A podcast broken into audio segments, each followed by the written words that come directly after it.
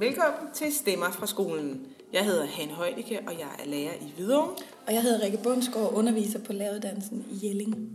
Her i Stemmer fra skolen, der har vi i flere udsendelser været optaget af, hvordan man skaber mening for eleverne, og hvordan man får skolen til at pege ud mod virkeligheden, og virkeligheden til at pege ind imod skolen.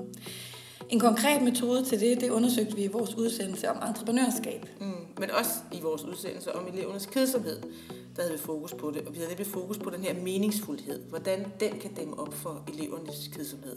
Og i den her udsendelse, der beskæftiger vi os så med scenariedidaktik. Mm, og hvad er så egentlig det? Ja, hvad er det egentlig for noget? Øhm, det er en samlebetegnelse for, for undervisningsforløb, som er rammesat med udgangspunkt i en forestillet virkelighed hvor eleverne de indgår i roller, der kræver, at de løser en konkret opgave med et konkret produkt. Ja. Det kunne for eksempel være, at de var journalister, der skulle producere en avis. Ja, eller at de skal være biologer, der undersøger et områdes biodiversitet og giver forslag til forbedringer. Men de kan også bare være noget helt low-key, et festudvalg, der skal lave en fest og få et budget til at holde. Nemlig.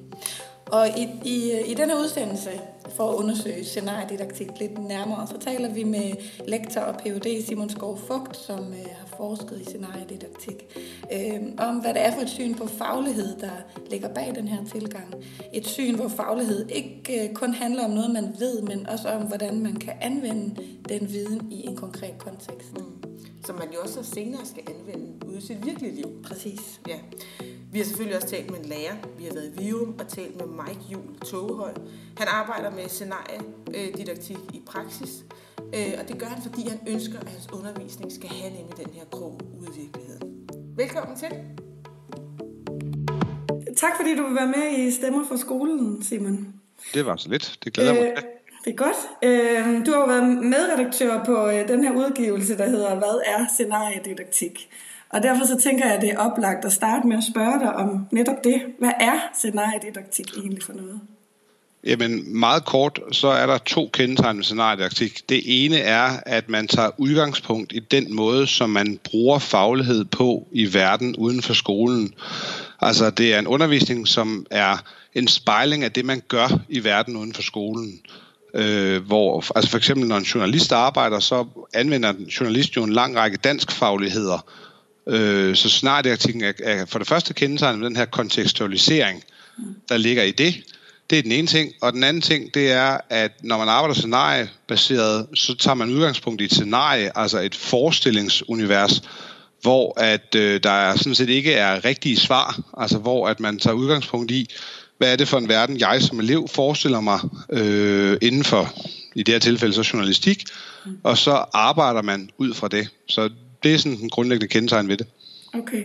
Hvordan kan man sige, fordi sådan noget med at forestille sig noget, det, det er sådan en ting, som, eller sådan en, en metode som storyline bygger jo også på det. Hvordan, hvordan kan man sige, at scenariedidaktik og storyline, hvordan adskiller det sig fra hinanden? Er det det samme, eller?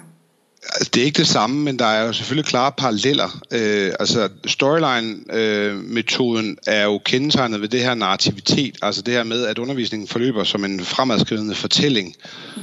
Øh, og det gør scenariedidaktikken jo sådan set også. Det, der er den store forskel på det, det er, at øh, scenariedidaktikken tager udgangspunkt i verden uden for skolen, øh, hvor at, øh, at det der fiktive element, der er over storyline, øh, øh, er nedtonet.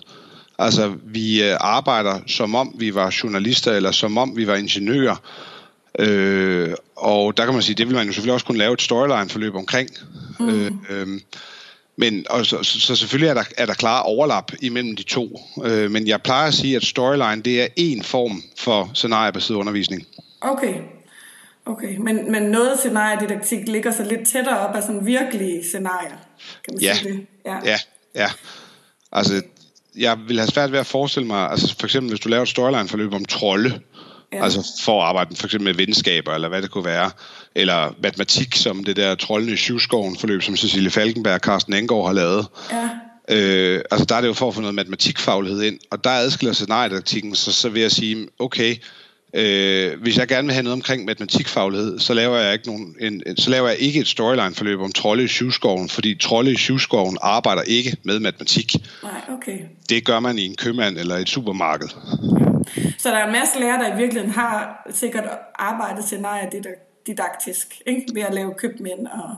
Jo, jo, jo, jo, absolut. Altså, og det er jo også, det er jo også en ret central pointe ved det, at, at at, at nogle af de ting, der kendetegner scenariedidaktikken, er jo absolut ikke fremmed for den måde, man bedriver undervisning på i folkeskolen. Mm. Men, men kan man arbejde scenariedidaktisk hele tiden, eller er det, skal, er det, er det mest sådan, øh, noget, man gør en, en, en par gange om året i en anden uge? Øh, altså, jeg så gerne, man gjorde det hele tiden, og det er der jo flere skoler, der gør. Øh, altså for eksempel hvis man nu igen vender tilbage til storyline-metoden, så Jordan Hill-skolen i Skotland, hvor at, øh, at storyline stammer fra, de arbejdede jo der i 70'erne udelukkende storyline-baseret. Ja. Og øh, altså Bifrost-skolen i Herning har også tendenser øh, i den retning. Men det er jo selvfølgelig, altså den grundlæggende forskel, det er jo, at det er en anden måde at tænke undervisning på, fordi øh, man hele tiden søger at få kontekstualiseret og mm. anvendt fagligheden. Mm.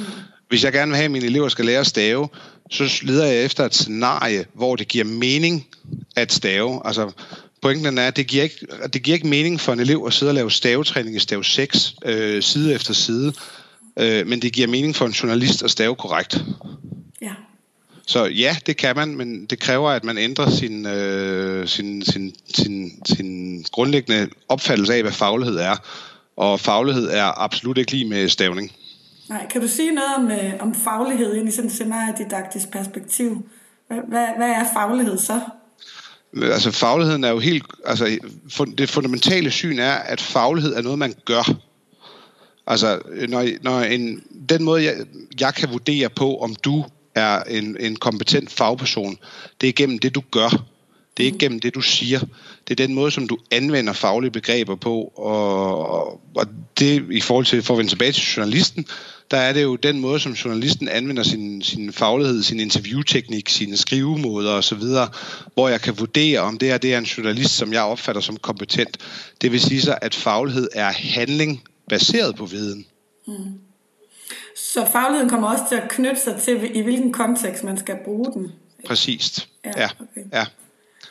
Og der er der, jo så, der er der jo så den meget, meget centrale pointe ved den scenariedidaktiske tilgang, at den faglighed, man så anvender, altså det scenarie, man anvender, det skal tæmmes. Fordi mm. selvfølgelig skal elever i folkeskolen ikke arbejde på fuldstændig samme måde som en journalist, fordi en journalist har øh, afdækning af sandheden som mål, hvorimod at eleven i skolen skal have læring som mål. Mm. Og det betyder, at man bliver nødt til at tæmme scenariet. Altså for eksempel lidt af mine yndlingseksempler på det, det er et projekt, Morten Misfeldt fra Aalborg Universitet lavede med GeoGebra øh, i matematik, hvor eleverne skulle lave en spilfabrik, øh, hvor de skulle lære nogle forskellige matematiske øh, altså fagligheder mm. i forhold til at designe spil. Og så pludselig så kommer der et par elever, der vil forhandle løn og arbejdsvilkår hvilket jo i forhold til scenariet uden for skolen er ekstremt relevant, men i forhold til det matematikfaglighedsmål, som den pågældende lærer havde opstillet, der var det ikke relevant. Og derfor så skal scenariet tæmmes. Mm. Så det stiller også nogle krav til læreren i virkeligheden om at kunne sætte pege på, hvad er fagligheden så i mit fag ja. i forhold til det, til det scenarie, jeg har med at gøre. Ja, altså hvad er fagligheden i mit fag i forhold til den måde, som den pågældende faglighed bliver anvendt på i mm. verden? Ja, okay. Altså, vi har ikke matematik eller dansk i skolen, for at eleverne skal blive dygtige øh, dansk elever eller dygtige da- matematikelever. Vi har dansk og matematik i skolen, fordi vi skal skabe nogle mennesker, der kan fungere i verden, øh, og som, er, altså, som kan være mennesker. Mm. Og dermed er det også, der vil jeg også godt understrege det her med, at, at det er jo ikke fordi, at, at undervisningen i skolen skal være professionsrettet. Ej Okay. Så, altså slet ikke. Mm. Der er jo masser af fagligheder i det, som man gør i sin hverdag. Altså når jeg handler ind, og, eller, eller handler ind, når jeg handler, øh, eller når jeg laver budget herhjemme, eller øh, når jeg øh, skal male min væg. Altså der er jo masser af faglighed i min hverdag også. Så pointen er, at det er anvendt faglighed, øh, men i den her tæmmede version. Så det vil sige, at de scenarier, man laver, behøver ikke at knytte sig til en bestemt profession, man kan også knytte sig til noget, eleverne øh, skal arbejde med som bare sådan i deres hverdag. Kan du altså, give et eksempel ja, på sådan et scenarie? Jamen altså, øh, altså for eksempel sådan et aspekt som æstetik, mm. øh, som jeg synes er vildt fascinerende.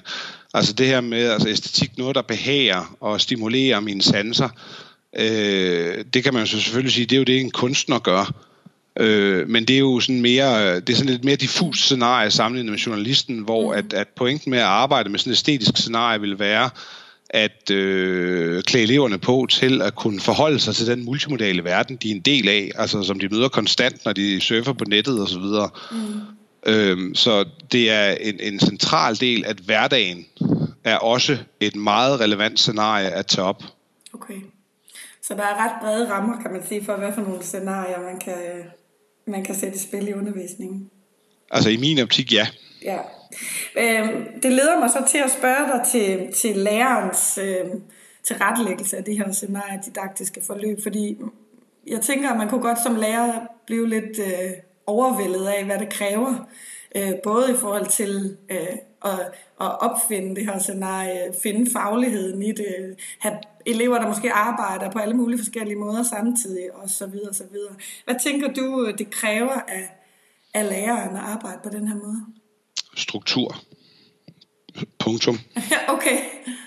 Altså, det, altså point, pointen, det, det som altså jeg også har oplevet i, i alle de undervisningsscenarier, jeg har været ude, eller undervisningsforløb, jeg har været ude og observere, det er, at det, der oftest går galt, når man arbejder projektorienteret, det er manglende struktur.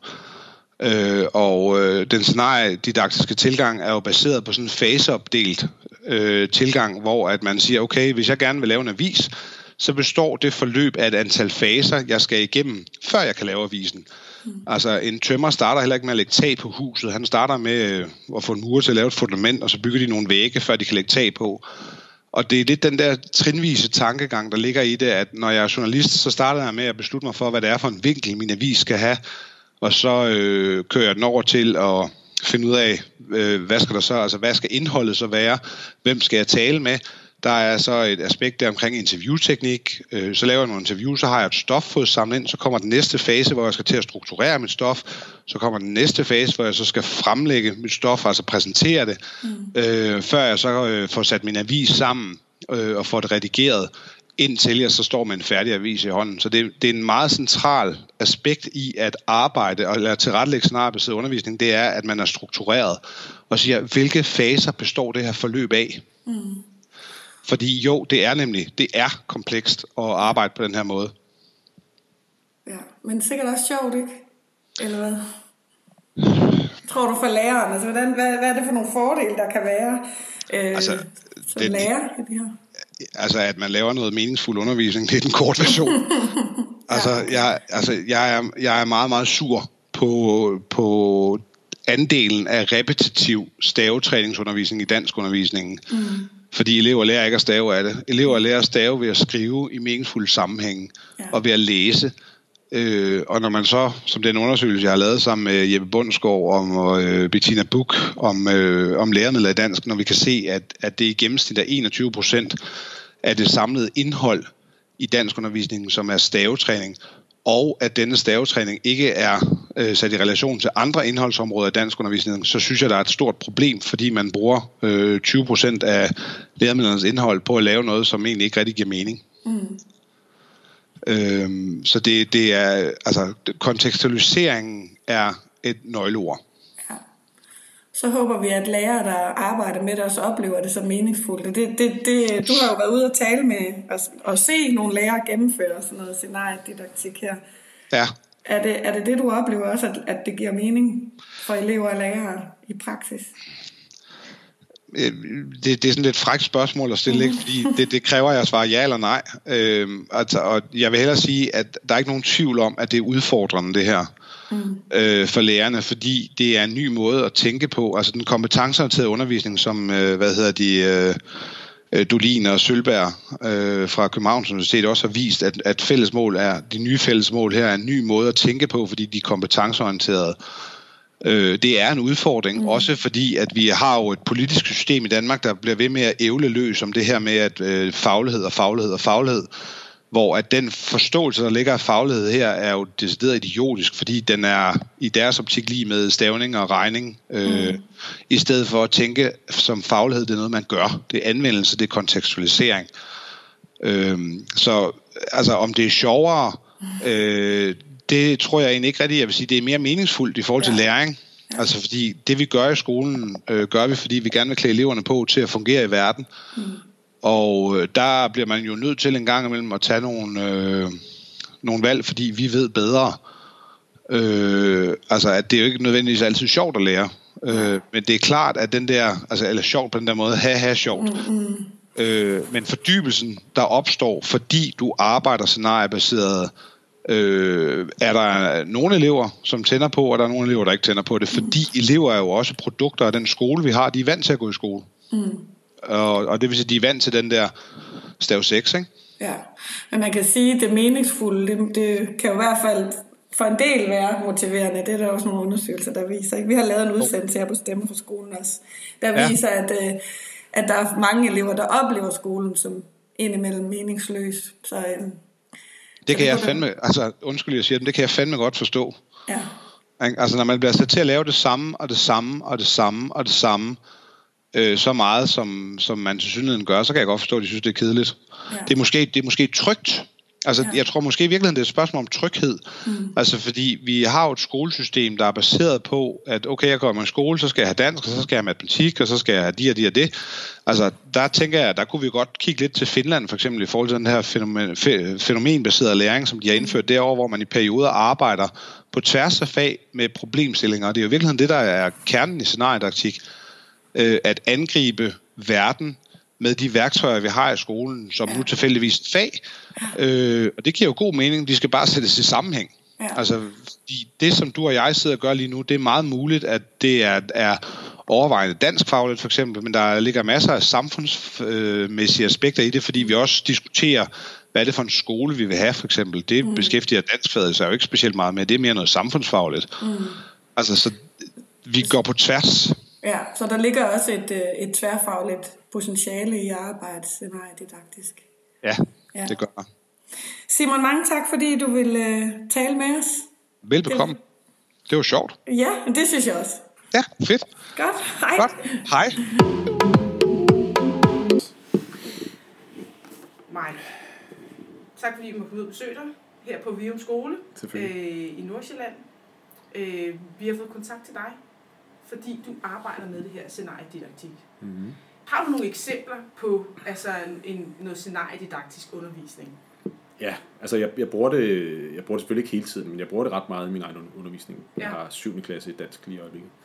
Øhm, og altså for eksempel her for nyligt læste vi med, med, med min klasse en, en øh, artikel i politikken, som handlede om ghettoskoler og, øh, eller eliteskoler og det blev så kaldt til ghetto-skoler her på, på Bium Skole, fordi det, jeg tror nok, at artiklen handlede rent faktisk om Bium Skole, så, så, og der blev brugt ordet ghetto-skole mm. øh, i den positive forstand, eller hvordan man kan sige det. Altså, øh, men det, det var noget, der rørte eleverne, og jeg kunne mærke på dem, at det var noget, som, som de virkelig... Det rørte dem sådan ret, ret dybt, at de blev kaldt øh, en eliteskole eller forkælet og sådan noget. ting. Så det tog jeg lynhurtigt frem og, og brugt som, altså satte det op som et scenarie og sagde, hvad, hvad, hvad gør vi så? Altså, hvordan kan vi, kan vi ligesom hvad er mulighederne, når I nu har det, som I har det? Og så prøvede jeg at lave et forløb, som handlede om, øh, om at, at, at skulle svare på kritikken, eller hvad skal man sige, give et modsvar til det her. Okay. Så vi opsatte et forløb, jeg opsatte et forløb, som handlede om, om debatindlæg, kan man sige. Så det ja. faglige mål var i virkeligheden, at de så skulle, så skulle skrive griber, debatindlæg. Du griber fat i elevernes følelser og tanker omkring et eller andet, og du kunne ikke vide, hvad deres, hvad deres øh, modtagelse var af den Nej. artikel. Og helt konkret, man kan sige, det var faktisk ikke over for mig, de ytrede de her ting. Det var faktisk en af forældrene i klassen, som, som øh, jeg snakkede med i en anden forbindelse, og så siger hun til mig, jamen, jeg ved ikke, om du er klar over, men det er noget, der rører dem rigtig meget, det her. Mm. Og så tænker jeg jo straks, at det skal jeg da bruge aktivt. Ja. Og, og så tænker jeg netop, jamen, hvordan, de skal jo på, på en eller anden måde finde ud af, hvad kan de så gøre, hvis de føler sig ramt, eller føler sig ja, hvad skal man sige, provokeret nærmest mm. af, af en artikel, jamen så skal de selvfølgelig lære at, at skrive modsvar til. Ja.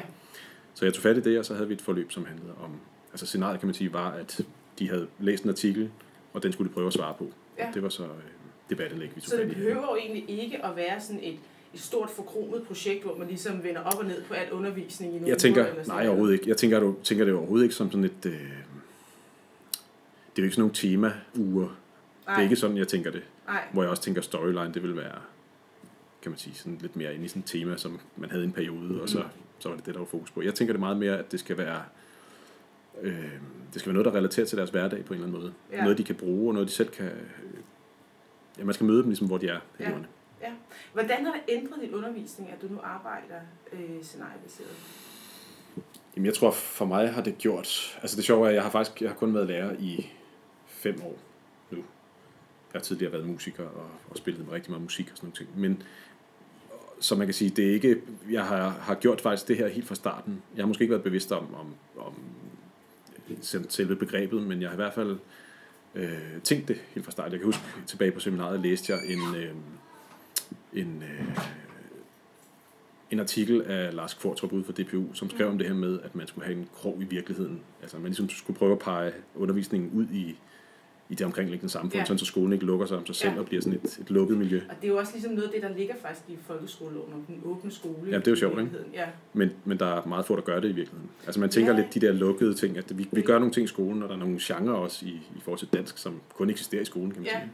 Men jeg tror måske, at det her scenariedidaktik, der er man faktisk ikke klar over. Jeg tror, at der er mange lærere, der ikke er klar over. Jeg var heller ikke selv at, øh, at det i virkeligheden måske har noget at gøre med det her, den åbne skole. Mm. At den åbne skole ikke behøver at være et museumsbesøg, eller Nej, et samarbejde med en volleyklub i idræt, det eller det. andet. Så man kan sige, det der har, ændret, det har ikke ændret, jo, det har ændret noget for mig, men det er måske mere det der med, at der er kommet nogle begreber på. Så ja. pludselig så kan jeg godt så kan jeg forstå, ligesom, hvad det er. Men jeg har faktisk hele tiden tænkt det her med, at vi skulle prøve at pege det ud i, i nogle, øh, altså, finde nogle, nogle samfundsproblemer, eller nogle, noget, der er relateret til eleverne et eller andet mm. sted.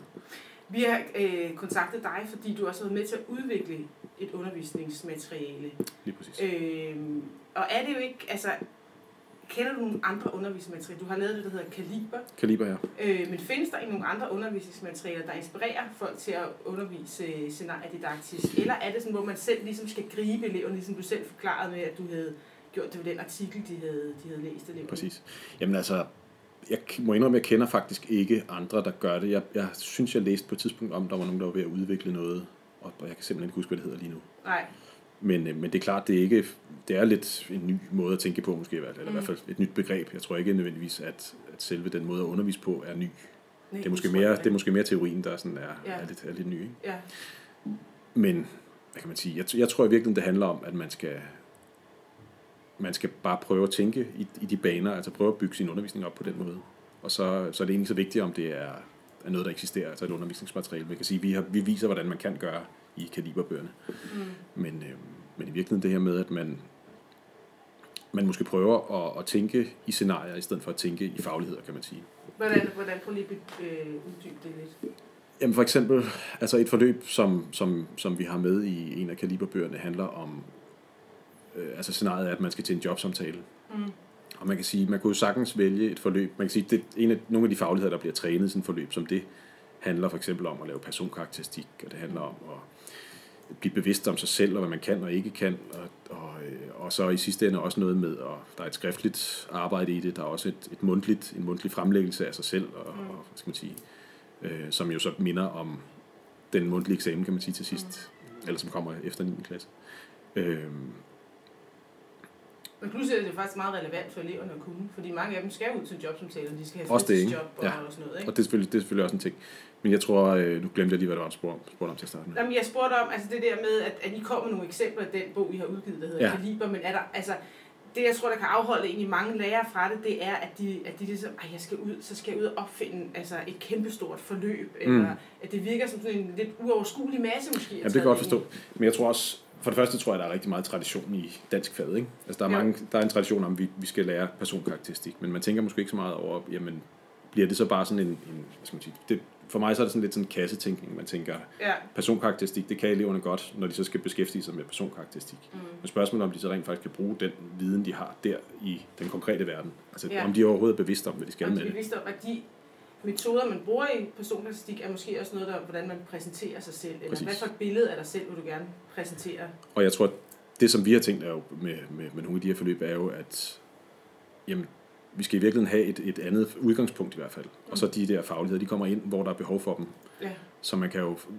Jeg, jeg tror sgu nærmest, du kan lave... Øh, du kan nærmest lave, lave scenarier ud af, af alle danskfaglige områder. Der, kan, der må nok være nogle, nogle enkelte, som, der, som bliver svære. Men også bruge scenarierne i alle mulige andet. Altså, jeg sad lige, inden jeg skulle herud, så fortalte mine kollegaer, hvad jeg skulle. Mm. Og så sidder med vores matematiklærer i mit team og siger, det lyder meget spændende, og ikke må bruge det matematik. Og så sad vi og talte om sådan noget Minecraft, vi har de små elever. Ja, lige præcis. Øh, det kan man godt bruge i forhold til at lave sådan nogle spejlingsbygninger, når de skal lære at spejle for eksempel. Når de skal have den her rum, altså hvordan de skal regne et, et areal ud. Eller ja, lige præcis. Altså, der kan man godt bruge Minecraft som et scenarie, de kender fra sig selv, hvor der kommer noget fagligt ind, de får brugt jo. Og jeg tror lige præcis, i matematikfaget vil det være rigtig relevant at bruge ja. i, i mange henseender. Ikke? Altså, øhm, for eksempel så har jeg, sådan, jeg har haft mange snakke med, med matematiklærer her på skolen omkring et begreb som andengradsligninger, mm. som jeg selv kæmpede med i, i, øh, det var så i gymnasiet, tror jeg. Og jeg må indrømme, jeg har aldrig helt forstået, hvad jeg skulle bruge det til. Heller ikke. Så, jeg, så har jeg prøvet at stille spørgsmålet, sådan også lidt, lidt provokerende selvfølgelig, over for matematiklærerne og sagt, jamen hvad, hvad skal jeg egentlig med det? Kan man, kan man opfinde et eller andet scenarie, som så i virkeligheden gør, at jeg forstår, hvad jeg skal bruge det til? Ja. Og det må en matematiklærer garanteret, øh, de kan måske forklare det, jeg kan ikke. Og, øh, mm. Men jeg, jeg er sikker på, hvis der var et scenarie, hvor jeg forstod, hvad jeg skulle bruge det til, så ville jeg også have lettere ved at lære det. Ja, vi har, vi har interviewet ham, Simon Skov Fugt, der også er, er sidder og forsker på det område, ja. og underviser hvad hedder det, lærerstuderende i, i scenariedidaktik, og som du også har skrevet den her kaliber sammen med. Ja. Og han siger, at struktur er sådan det helt afgørende for mm. øh, den her scenariebaserede undervisning. Hvad, hvad for nogle udfordringer ser du på det? I strukturen Ja. som sådan, jamen jeg, jeg ved ikke, om jeg ser udfordringer, men det, det er rigtigt nok, man er nødt til at på en eller anden måde have det gennemtænkt på forhånd, altså hvordan strukturen skal være i sådan et forløb. Mm. Altså, jeg tror det første, det første jeg altid gør i hvert fald, det er at have et eller andet konkret mål. Ja. Og nu ved jeg godt, der er jo meget snak om læringsmålstyret undervisning og sådan nogle ting, men i virkeligheden så her, i forhold til scenariedidaktik, så giver det egentlig meget god mening, synes jeg, at man Ja. laver et meget konkret mål. Hvad er det, vi skal nå til sidst? Skal vi skrive et debatindlæg? Skal vi lave en, et, øh, en, en jobsamtale? Hvad det kunne være? Men det vil også, også for at sikre sig, at eleverne har forstået scenariet mm. i virkeligheden, ikke?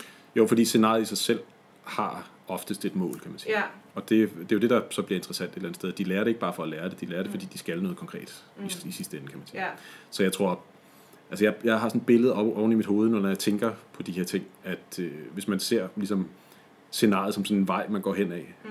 så står der et mål nede for enden, som du skal til. Mm. Og undervejs, så kan man, man kan måske bruge sådan et billede af rundkørsler, man, mm. man skal igennem. Og det kunne være nogle af de faglige, danskfaglige områder, som du lige kommer rundt, så kan det være, at du lige tager en ekstra tur, og så går du videre mod scenariet.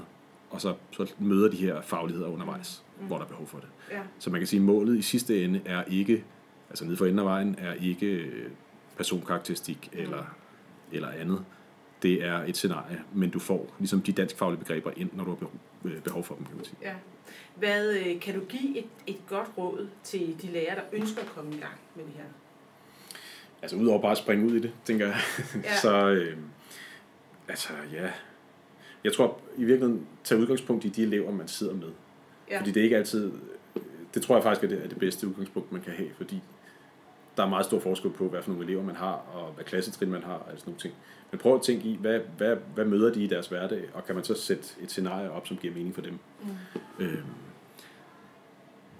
det tror jeg faktisk er det bedste råd. Ja, Øhm, så udgangspunkt i elevernes hverdag. i elevernes hverdag, der, Ja. de møder jo alle mulige problemstillinger, og det kan jo både være dansk og matematik og alle mulige andre fag. Altså øhm, i musik for eksempel, som jeg også underviser i, der, øhm, der har vi for eksempel sådan et, øh, hver sommer sådan en, en, en koncert, hvor eleverne i 5. og 6. klasse spiller hver sommer, så de, de ved, de skal spille en koncert, det er ligesom målet i sidste ende. Mm. Så jeg prøver selvfølgelig også i musikundervisningen at opsætte nogle scenarier, der, der peger i retning af det, sådan, så de bliver øh, trænet eller bliver øh, forberedt til, til det scenarie, som står i, i sidste ende. Mm. Og det sjove er med, jeg har tænkt nogle gange sådan et fag som, som øh, håndværk og design, hvor der ofte er et, et meget konkret mål i sidste ende. Ja, Der passer det jo meget godt. Altså hvis du skulle bygge et, jeg ved ikke, jeg har faktisk snakket med en, med en, en jeg nu er det ikke sløjtlærer mere, men en, en lærer, der har speciale i det, Ja. som, hvor vi brugte, øh, hvad hedder det, eksemplet et fuglebur for eksempel, mm. som er jo meget konkret. Mm. Der, er- for, for at bygge et, et fuglebur, jamen der skal du, der skal du kunne bruge en sav. Mm. Så lærer du selvfølgelig at bruge en sav. Mm. Det er ikke det, der er målet som sådan, men det skal du kunne for at lave det her. Mm. Du skal også lære at kunne måle op, og du skal kunne lære at, at sætte det sammen i sidste ende og sådan noget ting. Og det er egentlig et meget godt billede, synes jeg, på, på det med at lave scenarier. At du, scenariet er ikke, at du skal lære at bruge en sav, eller at du skal lære at måle op. nej, Men scenariet er, at du skal bygge et fuglehus. ja.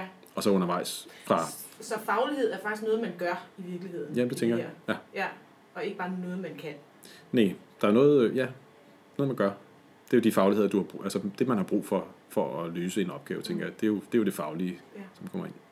Og det er interessant også i forhold til, slår det mig lige nu, at øh, altså det er klart, der er jo nogle fagligheder, som er svære i forhold til, i hvert fald i forhold til dansk, og garanteret også i forhold til de andre fag. Altså jeg kan huske en ting som at lære at sætte komma, for eksempel. Det er enormt svært at finde et, et scenarie, hvor du, det rent faktisk giver mening, at du skal det her. Ikke? Altså, man kan godt finde på nogle ting. Men det var faktisk, øh, det var faktisk også noget af det, der, der ligesom øh, var med til at, at vække min interesse for det her. Fordi jeg havde for nogle år siden en klasse, der jeg tror, vi havde brugt to uger på at, på et forløb om at, at lære at sætte komma. Mm. hele klassen kunne godt til sidst efter de to uger en masse kommeregler. De, kunne, ja. øh, de havde en masse konkrete Jeg ved næsten, hvor du er hen. Fagligheder. Det, ja. Ja, og det, det korte og lange er, efter de to uger, de kunne forklare alle reglerne. Næste skriftlige opgave, jeg modtog, der var det smidt ind som sådan en bombe, de der komma. Ikke? Jo, men det er det, man oplever jo gang på gang på Præcis. gang som lærer, at man at det er ligesom, at mange af forløbene, man laver, det er jo lige meget, hvilket fag man underviser i, de står sådan helt som nogle isolerede øer Det det. på en eller anden måde. Ikke? Og det kan være enormt svært. Du skal være virkelig dygtig elev, før du selv kan, kan trække de forskellige øer ind. Ja, det er det. Og jeg kan, jeg kan huske, at jeg sad og tænkte bagefter, jamen var det så spild af tid, at jeg havde brugt to uger på at lære dem at sætte komma. Det. Og det var det jo nok i virkeligheden, fordi Ja. de kunne godt, hvis de blev sat ind i et rum og fik at vide, nu skal vi snakke om komma, Mm. så kunne de godt finde ud af at sætte de kommaer. De kunne godt reglerne, men de kunne ikke gøre det i praksis, kan man sige. Nej. Så det var ikke en funktionel viden, de rent faktisk havde. Nej, havde men man kan sige, at den, den øvelse, du så lavede, som du startede med at fortælle om, de elever, der skulle skrive måske et modsvar Ja. til den artikel, der var i politikken, øh, der er det vigtigt, at de får sat deres kommer rigtigt. Selvfølgelig, Fordi er ellers så kan man fuldstændig misforstå Det er det. deres, øh, deres debatindlæg. Jeg siger bestemt heller ikke, at det ikke er vigtigt. Altså, det, Nej. det skal være med, Men, det, men jeg tænker, jeg, siger bare, så bliver det jo relevant for dem at kunne de her øh, kommeregler. og så kunne man jo, øh, jeg har faktisk ikke prøvet at, at, at tænke et scenarie, hvor, det, hvor komma kunne komme ind, men det kan være, at jeg skulle prøve det. Og få, få det, få det. Ja, men, men det er jo netop, der må være et eller andet scenarie, som man kan sætte op, og så prøve at få det her snedet ind undervejs, sådan, så det, så det giver mening. noget, altså det giver jo mening at, Mm. at få det ind i forhold til, når du skal, når du skal skrive noget, som der er nogle andre, der skal modtage. Selvfølgelig. Ikke? Altså, Jo. det må man jo. Men Så det er jo det. Er det. Øh, klokken er 10.12. Du skal ind og have undervisning her klokken 12. Yes, Øh, tak fordi du måtte komme på besøg. det er også lidt.